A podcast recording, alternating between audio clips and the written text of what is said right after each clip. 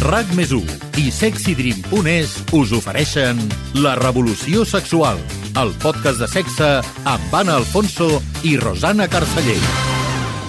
Let's have a kiki. I wanna have a kiki. Lock the doors. Tight. Let's have a kiki.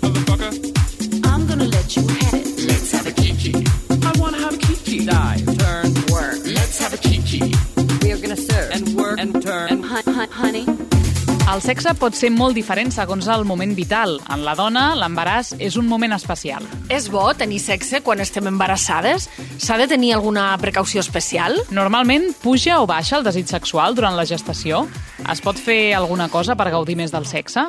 És cert que el sexe i l'orgasme poden ajudar a posar-se de part quan s'està retardant el moment? Avui parlem de tot el que té a veure amb el sexe i l'embaràs amb Montse Iserte, psicòloga, sexòloga i terapeuta de parella.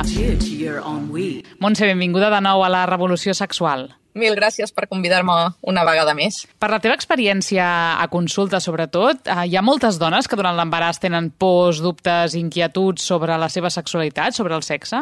Sí, la veritat és que sí, eh, que és un gran tema. Inclús a vegades he fet xerrades eh, en grans col·lectius i ha, vingut, hi ha hagut molta assistència i crec que és un tema que, que interessa bastant i que és difícil de poder-ne parlar perquè molts cops a la consulta dels professionals que ens entenen durant l'embaràs, eh, no, de ginecologia, per exemple, queden desateses no, aquestes preguntes o, o no, ni tan sols s'arriba a contemplar o no, o no es manifesta. Cada cop això ja va canviant més, afortunadament.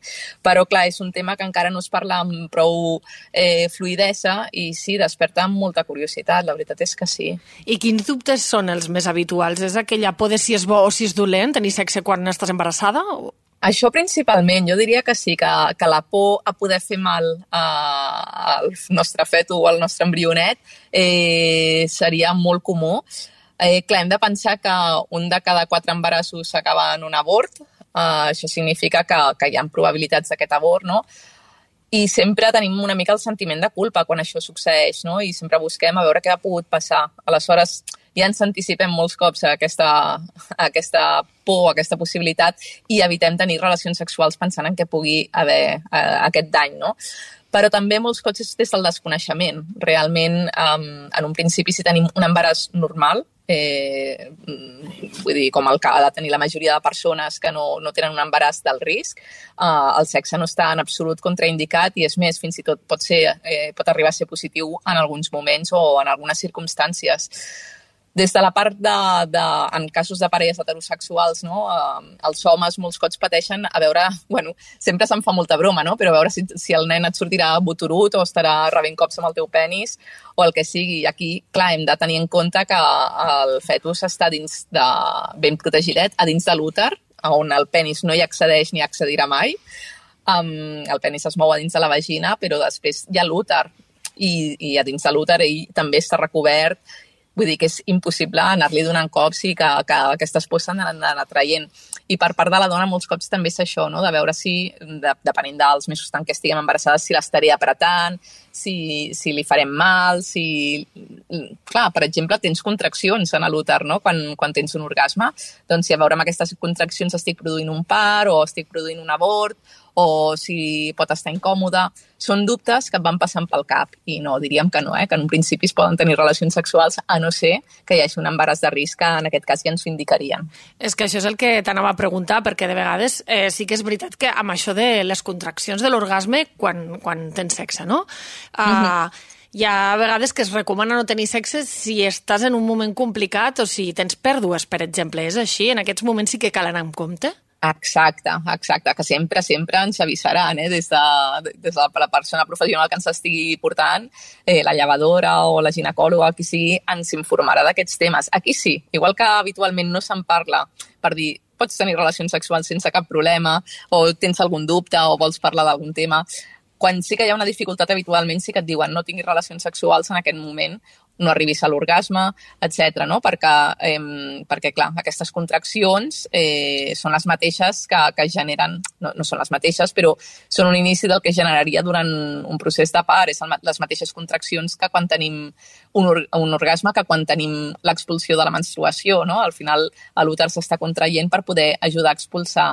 Si hi ha un embaràs que no és de risc, aquestes contraccions eh, són pessigolles per aquest embaràs. Vull dir, no, no és eh, algú que es, hagi de generar una expulsió. Vull dir, ja estem dissenyades perquè això no sigui així. Ara, quan hi ha un úter amb tendència a obrir-se, eh, però que ja és una, una patologia, eh? o si estem tenint pèrdues, o si hi ha risc de, de naixement prematur, en aquí sí hem d'anar amb cura. I tu has dit també que el sexe a l'embaràs és positiu, sobretot en alguns moments de l'embaràs. En quins moments estem parlant? Doncs, eh, bueno, sempre pot estar bé perquè una persona que està gaudint de la seva sexualitat doncs és genial, no? Uh, però, per exemple, és algo que recomana bastant quan volem eh, posar-nos de part. Vull dir, igual que et recomanen diferents coses que hi ha moltes que no estan ni tan sols provades científicament, però que diuen, mira, com que mal no fa, tira endavant, no? Com des de caminar molt, menjar picant, eh, doncs tenir orgasmes també per aquestes contraccions, però sobretot també si la nostra parella és home, el poder expulsar semen al voltant del coll de l'úter eh, porta prostaglandina, que és la mateixa substància que et posarien si et volguessin produir un part una de les primeres substàncies que introdueixen és aquesta, doncs vindria a ser aquesta substància de forma natural. Per tant, eh, si el que volem és accelerar aquest procés de part perquè estem arribant a la data màxima i ens estan parlant d'induir-nos, etc, una bona forma d'induir de forma natural seria amb el semen de, de la nostra parella. Precisament l'Elisenda Soriguera, que és periodista i mare de dues criatures, acaba de publicar el llibre La mare que t'ha parit, diari d'una mare inexperta, un dietari on explica les peripècies d'una mare que ha tingut la primera criatura. Eh, li hem preguntat per la seva experiència amb la sexualitat en l'embaràs i ens explicava això que està relacionat amb el que ara estaves dient, Montse. En els meus embarassos sempre he arribat a la setmana 40, a la setmana 41 sense haver-me posat de part. Uh, les meves filles estaven molt calentones i molt còmodes dins meu i això d'arrencar i de sortir sempre, sempre ha estat difícil i òbviament quan arribes a aquesta data tothom et comença a fer les recomanacions dels mètodes infal·libles per posar-te de part i un dels quals sempre és fer sexe. Jo he de dir que en el meu cas concret això no m'ha servit per posar-me de part. Ara, el que sí que ens ha servit és per fer-nos uns fars de riure bastant impressionants, perquè amb una panxa de setmana 40 eh, la veritat és que la cosa es torna bastant divertida. Per tant, Montse, hi ha vegades que funciona i a vegades que no. Eh, no té res de dolent i per tant proveu i passeu-vos-ho bé. Sempre que pugueu tractar, o sigui, sempre que ho pugueu fer amb la panxa de 40 setmanes, no? Correcte, és que això també és tot un món, eh? Vull dir, ja el primer trimestre, que molts cops per, per sort a mi no m'ha passat, eh, però hi ha moltes dones que es troben malament i aleshores, clar, aquest malestar no et permet tenir relacions sexuals perquè és que és, la, és possiblement l'última cosa que desitges entre vòmits, marejos, no, vertigen i altres símptomes que vas tenint, no? de vegades dolors de pits. Jo per sort ja us dic, eh, no he tingut res d'això, però entenc que una persona que està vivint tot això, doncs potser eh, el desig sexual no és el que està més elevat en aquell moment. Si no és així, és una bona època per poder mantenir relacions sexuals. Potser el millor trimestre dels tres trimestres que hi ha no, de, de l'embaràs és el segon, en què encara no tens una panxa prominent, estàs contenta allò perquè ja se't comença a notar, ja has passat potser l'època de més risc, no? i estàs més relaxada mentalment. I clar, al tercer trimestre ja comença a sortir una panxota important i aquí també és important veure doncs, quines postures ens faciliten, no? perquè segons com és que no et pots... Ja no, ni tan sols no és ni moure't per al tema de la panxa, no? que jo, jo sempre ho dic, és que com que perds els abdominals, mmm, sembles com una tortuga cap per... Saps? Quan es queden girades, que no, no et pots moure, sí. no pots girar cap a cap banda. Vull dir, eh, és una dificultat afegida, ja no és només el volum de la panxa, és la dificultat de moviment, el cansament, la respiració, per exemple, eh, els pulmons estan molt més apretadets, per tant no pots respirar com respires habitualment i t'ofegues amb molta més facilitat i ja no et dic si et van agafant dolors, que és molt fàcil que tinguis dolors d'esquena o, o qualsevol altra cosa. Per tant, doncs sí, a vegades arribes una mica fet a un quadre com per tenir relacions sexuals. Ara, si estàs bé i sempre trobaràs una postura com pot ser, per exemple, la cullereta, en què no estan havent-hi uh, aquesta panxa interposant-se pel mig i en què tu estàs ben tombada i estàs gust, no? I, i bueno, és una postura doncs, que ens pot servir perfectament. N'hi ha d'altres de postures que siguin adequades per segons quin moment de l'embaràs, sobretot quan tens la panxa més grossa? Sí, jo diria qualsevol postura, això, no? que faciliti que, que, que no hi hagi aquest contacte de, de panxa en panxa. Per tant, per exemple, si volem a quatre potes, també pot ser. eh, o no sé, qualsevol post... o si, si una s'animés a dalt, el que passa és que entenc que costa eh, estar en moviment amb tot aquell pes. Ara, si la dona està en forma, és el que diem, cada persona és un món i hi ha persones que arriben al parc, que és com s'hauria d'arribar, eh, si poguéssim, amb una energia i una força increïble. I hi ha altres persones que, que arriben fetes un nyap. Jo us ho dic per experiència pròpia, tinc, mm, bueno, he tingut dos parts eh, de criatures que han arribat a terme, um, un, uh, vaig, bueno, vaig arribar, és que podia fer de tot, ajupir-me pel terra, vull dir, podia, és que anava tan feliç en aquell part, i després el següent era en plan, per favor, o sigui, portava un mes amb tos, m'havia lesionat les costelles de tant tossir, aleshores, clar, no, no sempre et permet el, estar de la mateixa manera. Però si et permet, si tu tens energia, si has fet esport, si t'has cuidat, doncs potser inclús estàs millor que, que, que abans d'estar de, pensant en haig d'arribar amb molta energia i molta força uh, al parc, perquè el parc és una, un procés dur d'aguantar. Per tant, hi ha molta gent que es cuida més durant aquest embaràs que durant la resta de la seva vida. I les postures que estàvem parlant, clar, has dit, sí. qualsevol que no es toquin les panxes, doncs podria ser, per exemple, a quatre grapes, com dèiem, a la cullereta, sí mm, d'esquena potser seria una altra manera, no? D'esquena també, no? La, eh, exacte, o a sobre, no? La cowgirl, com si diguéssim, mm. no? La, la dona muntada a sobre si té aquesta energia, o potser ens podem ajudar d'algun utensili, per exemple, no? Doncs d'una taula i recolzar el cap aquí sobre i poder-ho fer de peu, però mig incorporada, sense que la panxa estigui molestant. Vull dir, aquí és qüestió de, de ser creatius, o per exemple, si la dona està tombada, potser es pot posar algun coixinet a sota de, de, del que seria l'esquena, del cul, perquè quedi més elevat i l'home pot estar assegut, no sé si ho representem, eh, però com si, diguéssim, pot estar com de genolls o inclús una miqueta més baixat sobre eh, els seus peus i poder penetrar des d'aquesta postura. I estem parlant però... només de penetració, però clar, la resta de pràctiques sí que es poden fer amb normalitat per suposat, vull dir, masturbació, sexe oral, tot el més eh, és qüestió de que la dona estigui ben còmoda, que sigui ella qui vagi dirigint el cotarro. Amb això que deies dels trimestres, no?, que és tal qual, el primer trimestre dels vòmits, no?, després estàs millor, després la panxa, és precisament eh, la reflexió que ens feia una altra dona que ens ha enviat la seva experiència i també explicava que el cos i la sexualitat pot canviar moltíssim amb la mateixa persona d'un embaràs a un altre. La sexualitat de, en l'embaràs va ser molt diferent d'un embaràs a, a un altre, perquè tinc dos fills. Recordo que en, en el primer, la veritat que el segon trimestre sí que, sí que va ser bastant actiu, tenia molta líbido, la meva parella també estava... Eh, a més, no, l'energia i l'alegria de, del moment eh, ens va agafar també a l'estiu, que normalment és un període que, que en el nostre cas pues, és bastant actiu, sexualment parlant, en el primer trimestre, com que estava tot el dia vomitant, pues res. I en l'últim també, com que vaig agafar molt de pes, pues tampoc, no tenia tampoc tantes ganes i estava en general, no, no em trobava gaire bé i no, i no em naixia aquesta, aquestes ganes, no? I el segon embaràs, pues sí que més o menys va seguir el, el mateix perquè vaig tenir el, els trimestres similars, per dir-ho d'alguna manera, però també pues, tenies la... el que passa en el segon embaràs sempre, que com que tens altres ocupacions i, i altres responsabilitats, sí que va baixar molt el, el, el ritme sexual. Montse, això és habitual, no? Que tenir dos embarassos i que cadascun sigui completament diferent o com va la I cosa? I tant, i més en tinguéssim més oportunitats de veure aquesta diferència, no?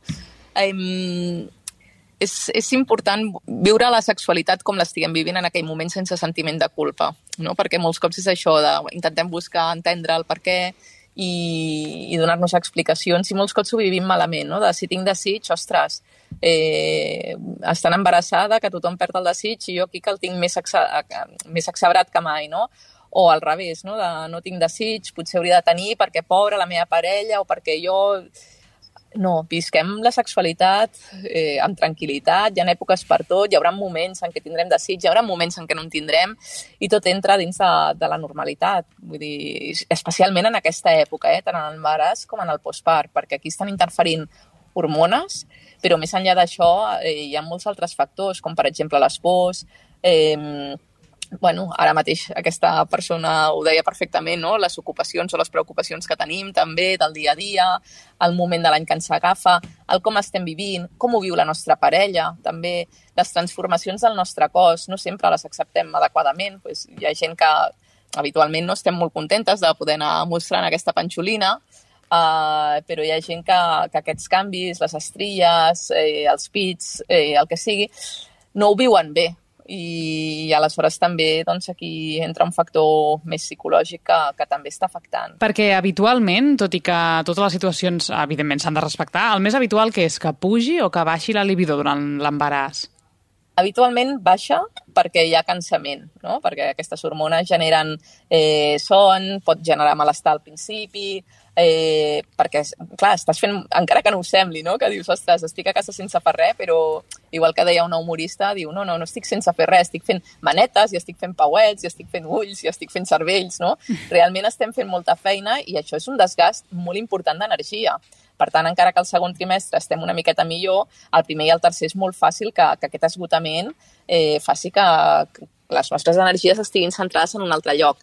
Ara, em trobo amb un percentatge de dones que, que em diuen que al revés, diuen, uau, és que ha sigut al revés, no? de que just durant l'embaràs ha pujat la líbido de forma important. Doncs genial, escolta, aprofita-ho, aprofita-ho. Vull dir, aquí les hormones també a vegades en juguen aquestes passades que, que en algunes ocasions són positives. Per fer aquest capítol hem parlat amb la il·lustradora i artista Marta Puig, més coneguda com a Aliona, que també és mare i que n'ha parlat obertament a les seves obres. A ella li hem preguntat com va viure el sexe en l'embaràs i ens ha explicat que no va ser fàcil i que no en tenia ganes. Doncs a mi, durant l'embaràs, em va passar alguna totalment oposat al que se sol dir, no? Aquest mite de que les hormones et disparen la libido, doncs a mi me la va posar per sota zero. O sigui, no tenia gens de ganes de tenir sexe. A part, no em vaig trobar gens bé tenia moltes nàusees, després ho vaig encadenar amb acidesa, tenia una panxa enorme, amb molt de líquid, i la veritat és que no vaig, o sigui, no vaig tenir sexe durant, durant tot l'embaràs. També vaig tenir un primer ensurt amb pèrdues per, per un hematoma intern, llavors vaig haver de fer repòs, és a dir, que anava una mica uh, espantada també durant tot l'embaràs i doncs no, no em devia sentir com amb, amb l'ambient no, adequat bueno, per pensar en sexe i, i, i en tenir-ne ganes. En aquest cas, si aquesta és la situació, doncs s'ha de respectar també i s'ha de viure amb tranquil·litat, però si alguna dona que diu ostres, que em passa això, estic embarassada, no en tinc ganes, però m'agradaria tenir-ne, o tinc una parella que potser a vegades la parella insisteix, no en excés, però demana tenir sexe, què fem, Montse, en aquesta situació? Mira, mmm, una mica dura, però la parella que s'aguanti. Vull dir, així, sense saber-me gens de greu. Vull dir, la parella es pot masturbar, pot tenir joguines i 10.000 recursos sexuals i, òbviament, eh, no és la teva parella, no, no, no ets tu no, que li estàs proporcionant això, però, escolta, és una època i ha de ser una època absolutament respectada, com, com tota la vida, eh? Però especialment en aquesta època que, a més a més, estan entrant tants altres factors. Vull dir, que estàs tenint aquest desgast tan bèstia i que estan afectant temes, com dèiem, des de la part hormonal fins a la part psicològica. Eh, per part nostra, bueno, mm, jo treballaria el per què volem tenir ganes si no en tenim no? perquè aquí és la pressió i l'exigència que sempre tenim, especialment les dones, d'haver de complir. Bueno, Clar, és que si no en tenim ganes, doncs no en tenim i ja està, no? I no a més a més estan embarassada, que és quan més has d'escoltar el cos. Uh -huh. Exacte, ens hem d'escoltar i ho hem de respectar. I tinc moltes dones eh, que venen a consulta de no, és que la criatura ja té un mes i no hem tingut relacions sexuals, perdona.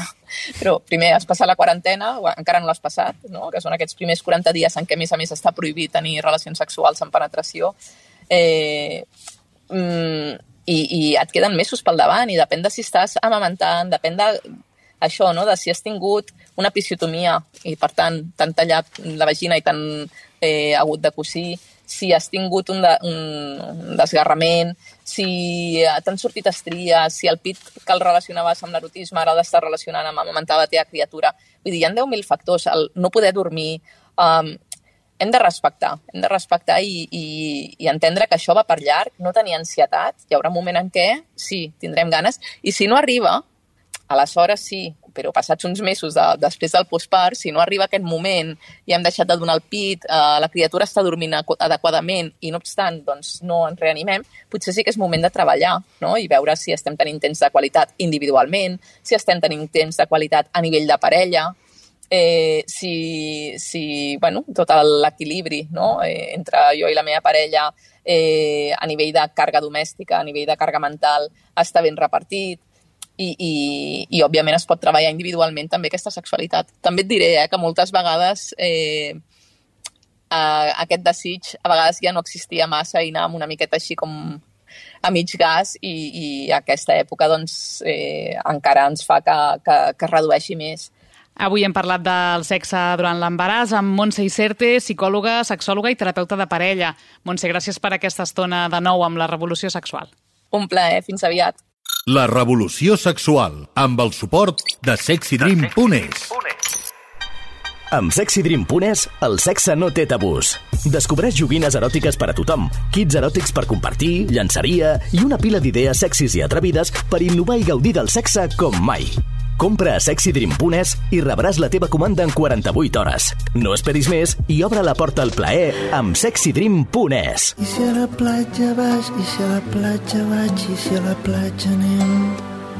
I avui acabem aquest capítol parlant d'Idilis, la nova col·lecció de literatura eròtica en català que neix d'edicions de la Ela Geminada. Idilis inclourà tant clàssics universals com obres contemporànies i neix per crear un espai en català exclusivament dedicat al gènere eròtic, que sovint ha quedat relegat a un segon pla o s'ha considerat un tabú. La directora i editora d'Idilis i Ela Geminada, Laia Regincós, explica per què cal reivindicar la literatura eròtica en català. Nosaltres ens proposem doncs, posar de manifest eh, l'important que pot ser no? aquest gènere també com a part essencial de la nostra cultura. Precisament perquè doncs, també l'entenem com, a, com a transformador i revolucionari i pot ser l'excusa no? per crear un, un espai de diàleg molt xulo i molt actual. També ho fem en català perquè considerem doncs, que la nostra literatura també té dret a gaudir no? d'aquest tipus de narrativa, com qualsevol altra llengua. Que pot ser també una excusa per, per actualitzar el nostre vocabulari, parlar més eh, íntimament no? en, en la nostra llengua, normalitzar també